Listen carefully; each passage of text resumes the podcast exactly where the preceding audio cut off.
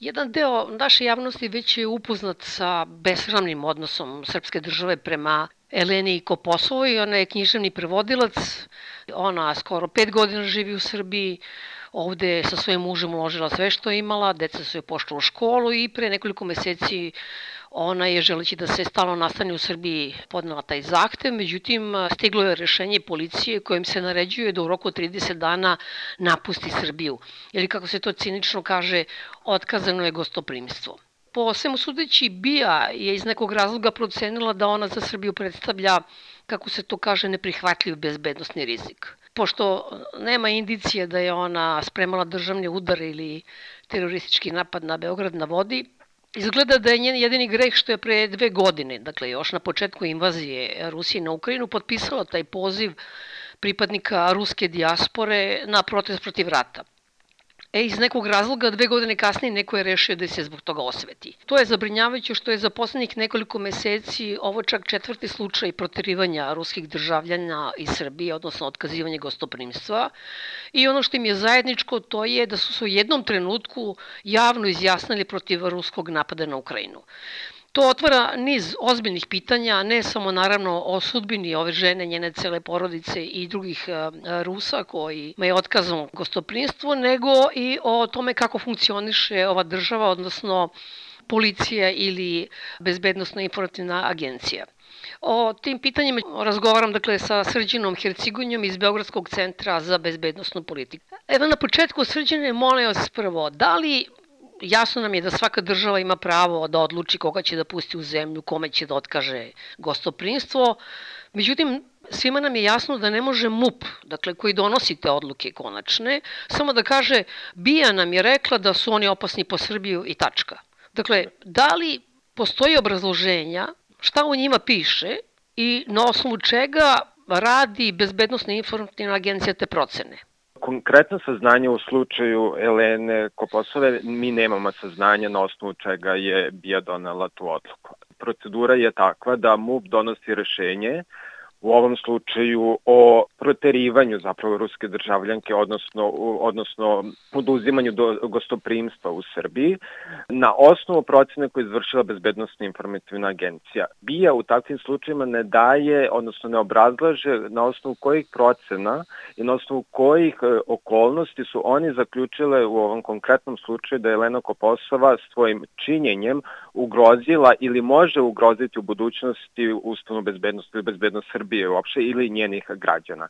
I to je pitanje koje javnost e, mora da postavi. Praksa MUPA i BIE je da obrazlaže analizu na osnovu koje su proglasili određenu osobu e, bezbednostnim e, rizikom. Upravo zbog toga mislimo da je, je e, neophodno da javnost postavi to pitanje imajući vidu da ovo nije prvi slučaj ruskih državljana u Srbiji kojima se oduzima gospodinstvo, odnosno koji se proglašavaju kao persone non grate. Imali smo i ranije slučajeve i ono što je indikativno za sve te slučaje jeste da se radi o državljanima Rusije koji su u jednom trenutku e, izrazili protivljenje aktuelnoj ruskoj politici prema Ukrajini, odnosno su izrazili protivljenje ruskoj agresiji e, u Ukrajinu. Možemo samo da se prisetimo nedavnog primjera Ilje Zernova, isto ruskog aktiviste koji je došao u Beograd nakon početka invazije na Ukrajinu, kome vlasti u Srbiji nisu dozvolile ulazak e, u Srbiju kako bi on došao na suđenje povodom incidenta u kojem je on bio pretučen zato što je u Beogradu pokušao da obriš grafit smrtu. Radi se očito o određenoj odluci koju je po svema sudeći donao sada već bivši direktor bezbednostne informativne agencije Aleksandra Vulin, da sve one koji su na određeni način iskazali kritiku prema aktualnoj ruskoj politici se smatraju nedobrodošlim e, u našoj zemlji. Ne možemo da amnestiramo odgovornost e, policije koja zapravo donosi formalno te odluke, a u krajnjoj liniji ukoliko nema tog obrazloženja, nikakvog obrazloženja, da. kako onda ti ljudi mogu da se žale? Jer vidimo da je upravni sud u dva navrata, čini mi se, rekao, odnosno odbio žalbe tih ljudi. Kako da se žališ ako ne znaš zašto si kriv?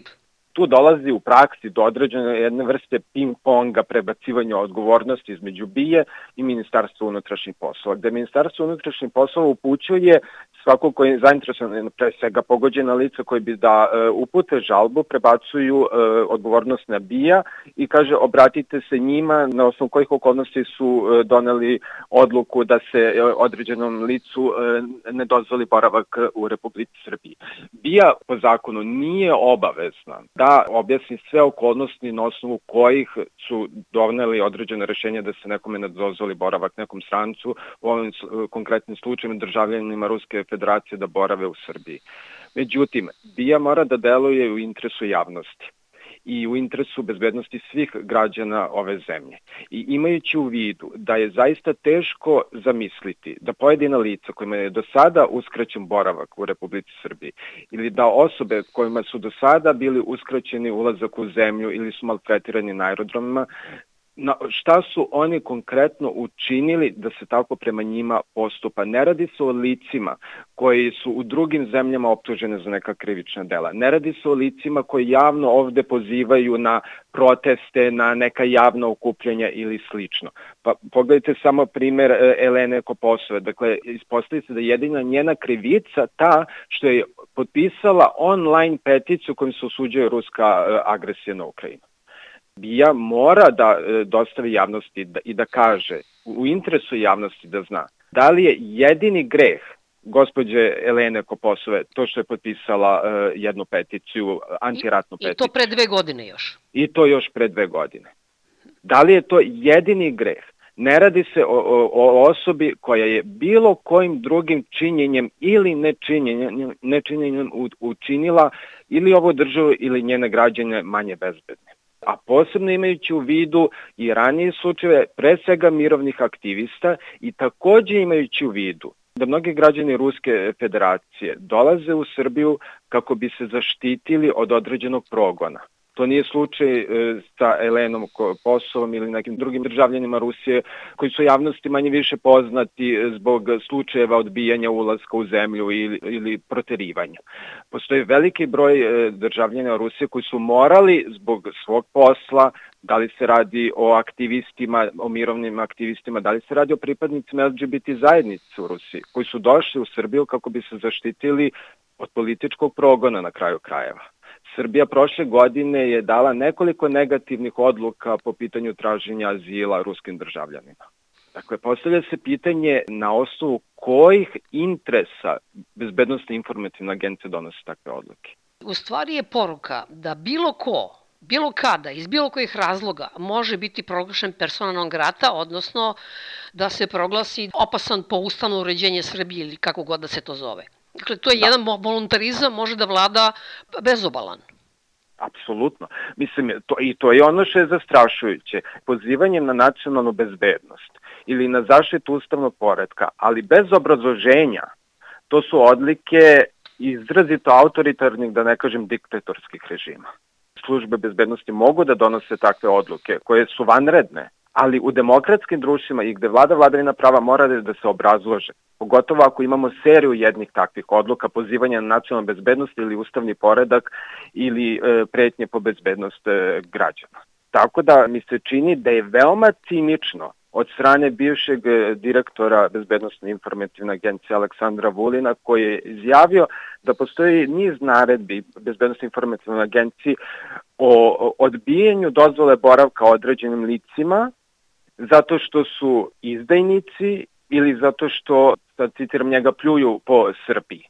Kao da postoji određeni spisak ljudi i spisak nepoželjnih ljudi koji dalje stoji u Bezbednostnoj informativnoj agenciji i nakon odlaska Aleksandra Vulina, u kojima javnost nema uvid i za koji ćemo saznati tek u slučajima kao što je sličan sad sa Elenom Koposovom, kada je ona tražila zapravo produženje svog boravka u Srbiji, pa je bio odbijen i saznala da je očito na nekoj listi. Čini se da neka nepodobna lista, u ovom slučaju ruskih mirovnih aktivista, postoji. I bez ikakve kontrole, Bezbednostna informativna agencija u ovom trenutku, zajedno sa Ministarstvom unutrašnjih poslova, može da preteruje ljude spisak nepodobnih je sam po sebi apsolutno skandalozna stvar. Da. Da. Međutim, dodatni problem je ko je napravio taj spisak. Da li to pravi Aleksandar Vulin kao neku vrstu vendete zato što su Sjedinje američke države uvele sankcije protiv njega. Da li to pravi BIA, da li to pravi Ruska ambasada? Mi sad, kako da, da. kažem, sad razgovaramo ovako i spekulišemo, a mi nemamo nekakvih, kako da kažemo, pipljivih stvari na osnovu kojih bismo mogli racionalno nešto da zaključimo. Onda jedino što mogu to je da spekulišem. Dakle, ko pravi te spiskove ako ih ima? U ovoj situaciji mi možemo da spekulišemo i da donosimo određene zaključke dok nam BIA ili Ministarstvo unutrašnjih poslova ne kaže drugačije, na osnovu istupa u javnosti. U poslednje vreme mi smo, evo možemo dva primera e, samo e, da uzmemo u, obzir, da je Aleksandar Vulin e, pre manje od mesec dana dobio orden prijateljstva od strane Federalne službe bezbednosti Rusije zbog odlične saradnje Ruske i Srpske službe bezbednosti. To je bilo nakon što Aleksandar Vulin nije više bio na mestu e, direktora BIA.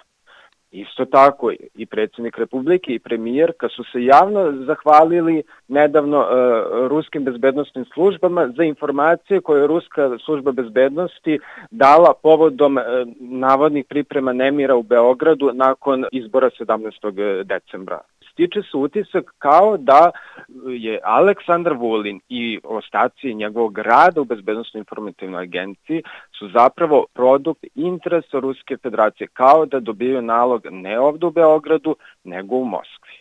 Čini mi se da e, javnost ima pravo da donose takve zaključke sve dok nam ne odgovori na pitanje na osnovu čega ruski mirovni aktivisti predstavljaju pretnju rizik po bezbednost građana Srbije ili rizik po ustavno uređenje Republike Srbije.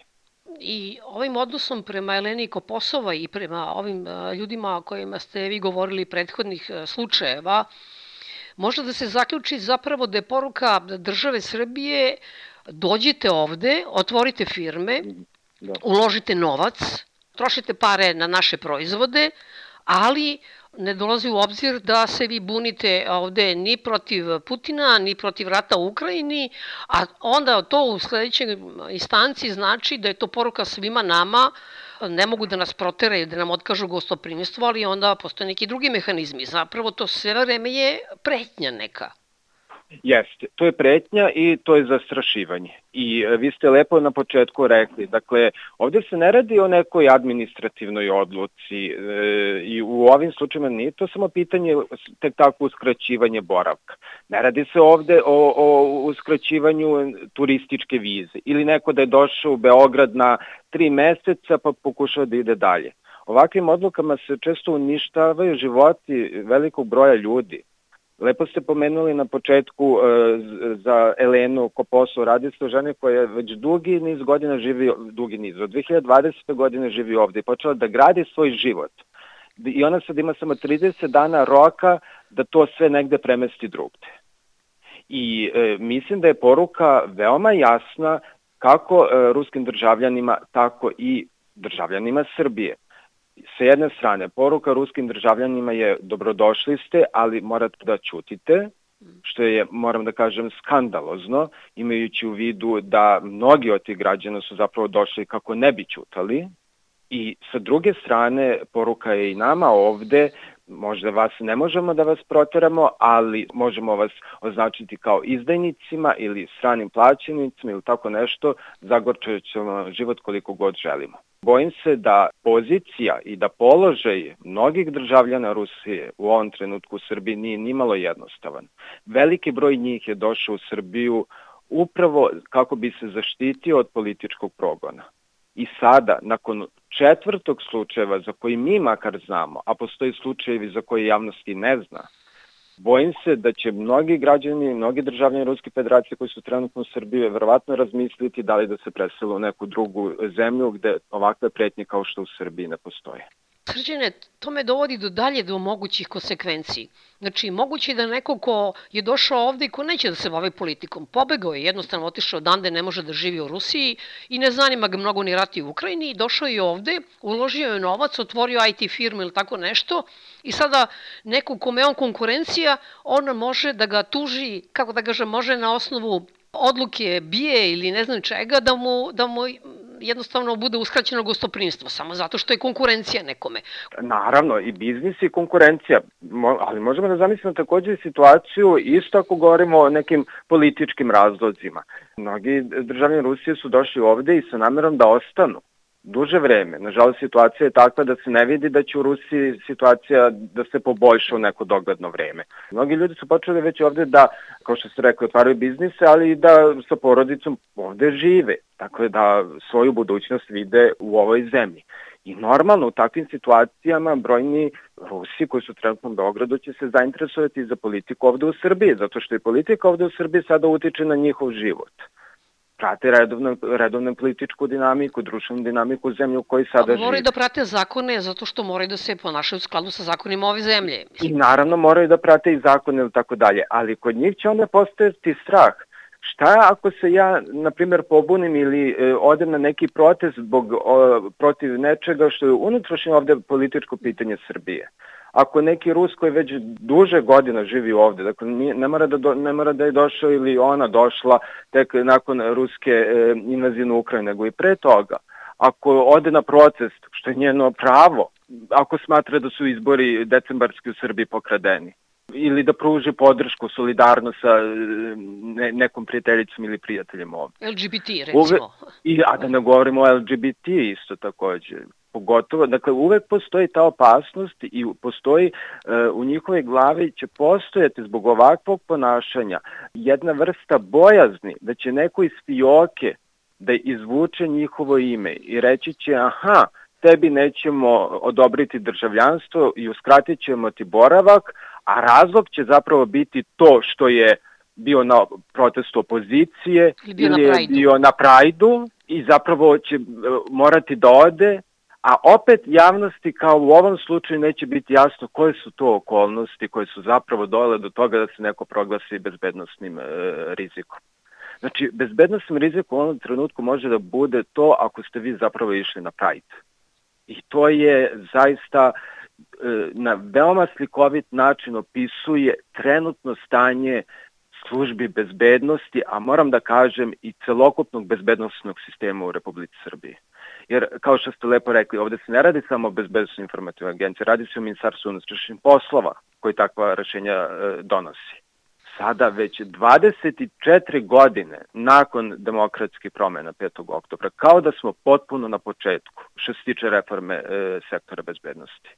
I postavljamo pitanja koje su se postavljala tada, a to su krucijalna pitanja i za demokratiju u jednom društvu, a to je da li su službe, da li je sektor bezbednosti u ovoj zemlji pod demokratskom i civilnom kontrolom. Moja bojazan je da u ovom trenutku nije.